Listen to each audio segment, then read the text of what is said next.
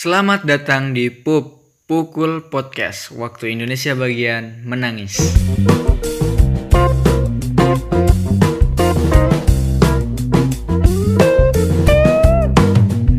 Hey what's up apa kabar YouTube YouTube lebih dari TV boom Sudah tujuh hari dari video terakhirnya Skinny Indonesia 24 yang ngebahas kalau mereka bakal pamit dari YouTube channel mereka yang mengatakan kalau mereka bakal pensiun dalam kurun waktu satu tahun ke depan yaitu bertepatan pada 24 Juni tahun 2021 Katanya sih mereka milih tanggal 24 karena mereka terinspirasi dari Kobe Bryant yang nomor punggungnya itu 24 makanya mereka ambil 24. Di sisi lain juga dari berita hot dari Skinny Indonesian 24 yang banyak dibicarakan oleh youtuber-youtuber besar seperti Raditya Dika, Deddy Corbuzier, terus Kevin Indrawan dan lain-lain. Ada juga Atta Halilintar yang sampai sekarang sudah menyentuh angka 24 juta subscriber. Gila, siap. Saya kalau nggak salah mungkin pertama kali nonton Skinny Indonesian 24 itu waktu SMP mungkin. Dan ada satu konten yang sampai sekarang masih saya ingat yaitu musik rap videonya tentang Indomie gitu kalau nggak salah beatnya kayak gini ya Indomie, mie dari Indonesia kalau lo lapar jangan putus asa. Solusinya M U R H H. Rasanya gila. Pede banget rasanya membawakan lagu ini seakan suara saya seperti Eminem padahal suara mirip Pak Tarno. Kenapa harus Pak Tarno juga random banget. Karena di awal saya menyebutkan dua youtuber, Skinny Indonesian 24 dan Atta Halilintar, maka di sini saya juga harus bahas Atta Halilintar. Ya, sudah saya akan membahas Atta Halilintar. Ah, siap. Segitu saja pembahasan dari Atta Halilintar karena hanya itu yang saya tahu selain jumlah subscribernya. Skinny Indonesian 24 pamit dari YouTube. Setelah 9 tahun berkarya dan mereka kan tutup channelnya setelah 10 tahun umur channelnya. Dan karena itu juga pasti ngerasa sedih banget. Sebenarnya nggak sesedih itu sih cuma kayak ngerasa ada satu tontonan yang hilang gitu yang udah ditonton dari lama. Dan mungkin ada nggak sih ya orang yang saking sedihnya itu kayak sampai nangis gitu ya Mungkin kalau seandainya ada pun pasti bukan cowok karena cowok nggak boleh nangis. Cowok adalah lelaki yang kuat ji memiliki jiwa yang tegar. Ngomong-ngomong soal cowok nangis, banyak sekali stigma yang beredar di lingkungan kita bahwa cowok itu kalau nangis adalah cowok yang keperempuan keperempuanan, adalah cowok yang lemah dan bahkan ada juga stigma yang mengatakan bahwa cowok itu nggak boleh curhat. Jadi pertemanan antara cowok itu hanya sekedar bermain berfutsal ria berps ria main kartu ria hanya sekedar itu saja. Padahal curhat menurut saya adalah sebuah hal yang penting tapi emang kita harus memilih teman curhat yang bisa menjaga rahasia rahasia-rahasia kita gitu. Kita tidak perlu juga sih membeberkan uh, raha, apa namanya kesedihan kita kepada orang lain. Tapi curhat tuh menurut saya adalah hal yang penting karena terkadang kita memang butuh tempat untuk bersandar untuk menceritakan masalah kita. Dan kita terkadang butuh seseorang yang menyupport kita gitu yang memberi dukungan kita dan biasanya hal ini bisa kita dapatkan ketika kita curhat gitu. Dan ngomong-ngomong tentang stigma cowok nangis sedikit saya mau cerita tentang kapan sih saya nangis. Jadi ada beberapa kejadian yang membuat saya menangis. Ada yang lucu kalau saya pikir-pikir sama sekarang. Dan ada juga momen yang Kayaknya memang semuanya lucu deh. saya pertama cerita kapan saya terakhir nangis? Yang pertama saya nangis karena uh, cekcok gitu antara saya dan orang tua gitu. Yang di sana memang sedih makanya saya nangis. Dan ada juga momen lucu saya menangis saat ini ceritanya. Saat saya awal-awal masuk kuliah di sini saya cerita bakal kayak dongeng gitu. Jadi gini awalnya. Pada suatu pagi saya bangun dan saya membuka ponsel pintar saya dan mulai membuka sebuah obrolan.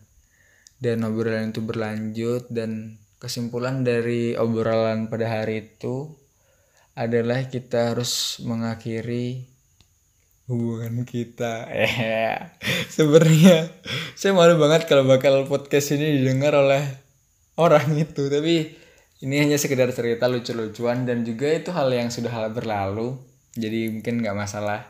Buat orang yang merasa ternotis ya nggak apa kan ya? Aduh malu banget. Wah seperti itu. Jadi habis chatting itu sebelumnya sih tidak menangis sama sekali. Sedih emang sedih banget tapi sih tidak menangis. Jadi habis chattingan berakhir kita video call untuk terakhir kalinya. Dan di sana dia menangis. Lalu saya ketularan menangis gitu. Tiba-tiba saya menangis melihat dia menangis. Ketularan gitu. Ketularan ke ketularan nangis. Orang di mana-mana ketularan batuk ketularan pilek ketularan covid gitu ini malah ketularan ketularan nangis ya nggak jelas tapi kalau dalam ilminya pernah saya baca tuh ada sistem nah, yang sama seperti apa yang saya bilang ketularan tadi. Kalau di sini dibilang sistemnya itu mirroring gitu. Ini pernah saya baca yang sumbernya itu dari art artikel dari Voice America. Jadi di sini tentang how do film affect our emotion dari Dr. Jeffrey Jack, profesor dari Washington. Di sini ngebahas tentang bagaimana otak bereaksi terhadap film. Jadi di sistem mirroring ini cara kerjanya itu adalah ketika kita melihat sebuah fisik gitu jadi dan setelah kita melihat itu kita memiliki tendensi yang sama untuk melakukan hal tersebut makanya banyak orang nonton film itu ketika filmnya nang orangnya nangis kita ikutan nangis. Ini sama seperti yang yang tadi itu. Ketika saya video call melihat dia nangis saya ikutan nangis gitu. Dan kedua hal yang memalukan bagi saya adalah sekedar info saya adalah orang yang suka film. Jadi pada suatu hari saya diajak oleh orang tua saya nonton film. Karena saya suka film tentu saya sangat antusias dong jadi saya berangkat menggunakan sendal kesayangan saya yang tentunya dengan celana pendek kaos polos dan jaket saya. Saya sangat semangat pergi menuju ke tempat film itu dan sampai sana masih belum terjadi sesuatu hal yang wah. Kita memasuki gedung bioskop saya duduk di tempat saya sesuai tiket dan film dimulai dan kerumunan di sekitar saya tertawa semua mengingat masa SMA-nya. Oh sebelum kasih tahu apa yang saya tonton ya. Jadi yang waktu itu saya tonton itu adalah Dilan gitu. Jadi di sana seperti yang bilang tadi mereka pada tertawa bergandengan tangan bapak-bapak ibu-ibu tante-tante di sebelah saya bahkan keluarga saya juga ikut tertawa dan mengenang masa SMA-nya dan waktu itu saya juga ikut tertawa menikmati filmnya dan sampai pada akhirnya filmnya selesai dan kita harus pulang mengendarai sebuah kendaraan beroda empat yaitu Delman. Kok Delman yang bener? Truk. Apa pun kendaraannya yang penting sebuah kendaraan gitu. Jadi kita pulang di perjalanan saya mengingat lagi film tersebut bahwa saya pernah menonton film ini sebelumnya dengan seseorang yang pernah saya sukai dulunya saya mengenang-enang dan tiba-tiba air mata saya keluar gitu. Dan yang memalukan karena keluarga saya semuanya melihat gitu.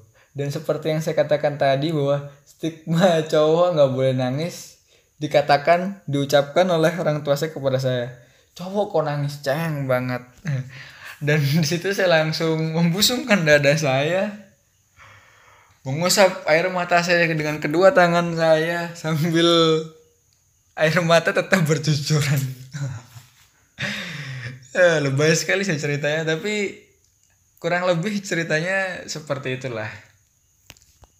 Jadi wajar nggak sih sebenarnya cowok tuh buat nangis?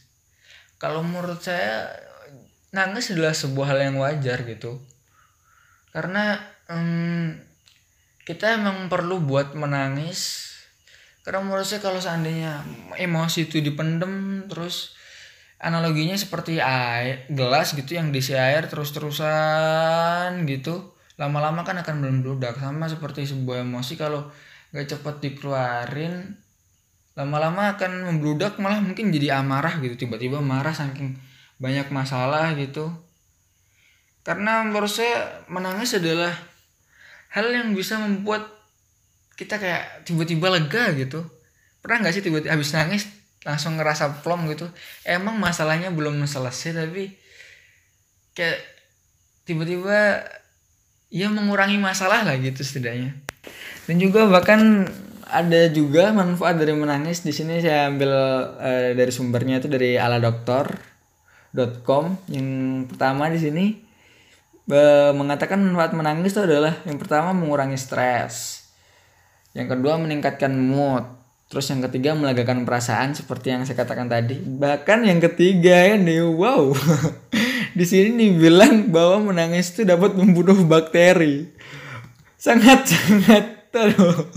saya baru tahu kalau mau menangis ini sangat membunuh eh sangat membunuh. Bahwa menangis ini dapat membunuh materi. Sangat berguna sekali menangis.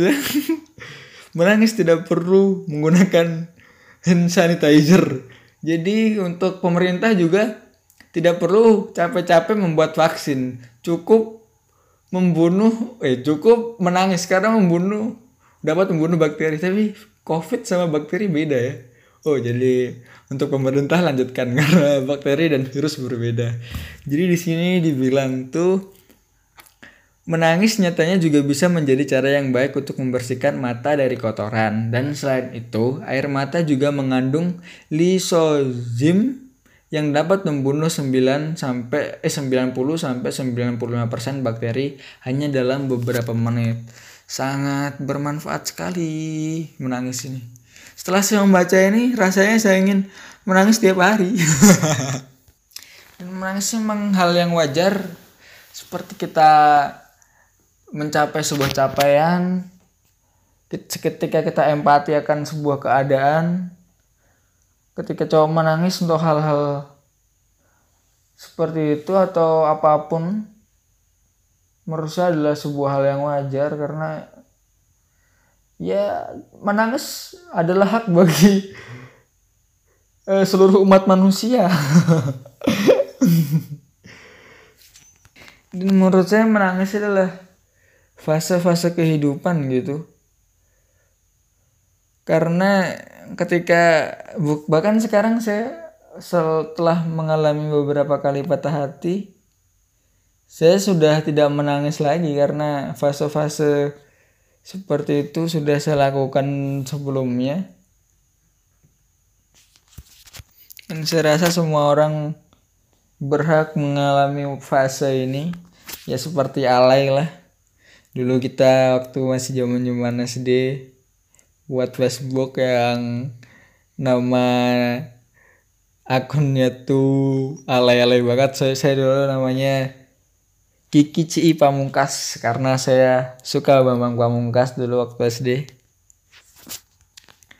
menangis juga beda dengan depresi juga. Jadi seseorang mengalami fase kesedihan adalah sebuah hal yang wajar dan kita harus tetap berjalan karena kehidupan masih panjang.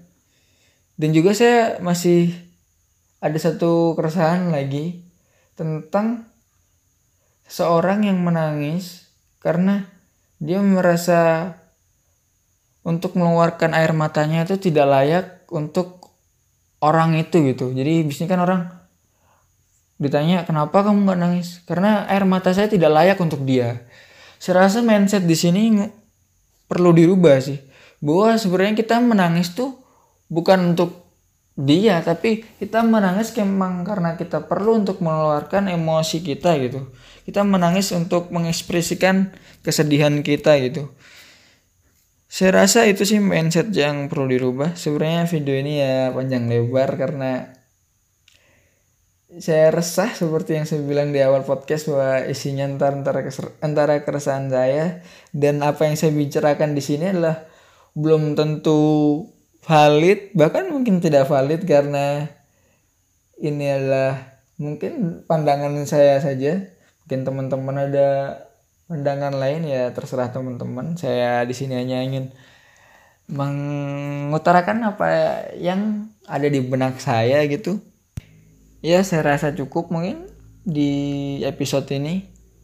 Uh, buat teman-teman yang sudah dengerin terima kasih. Uh, sekian dari saya Yusrel wassalam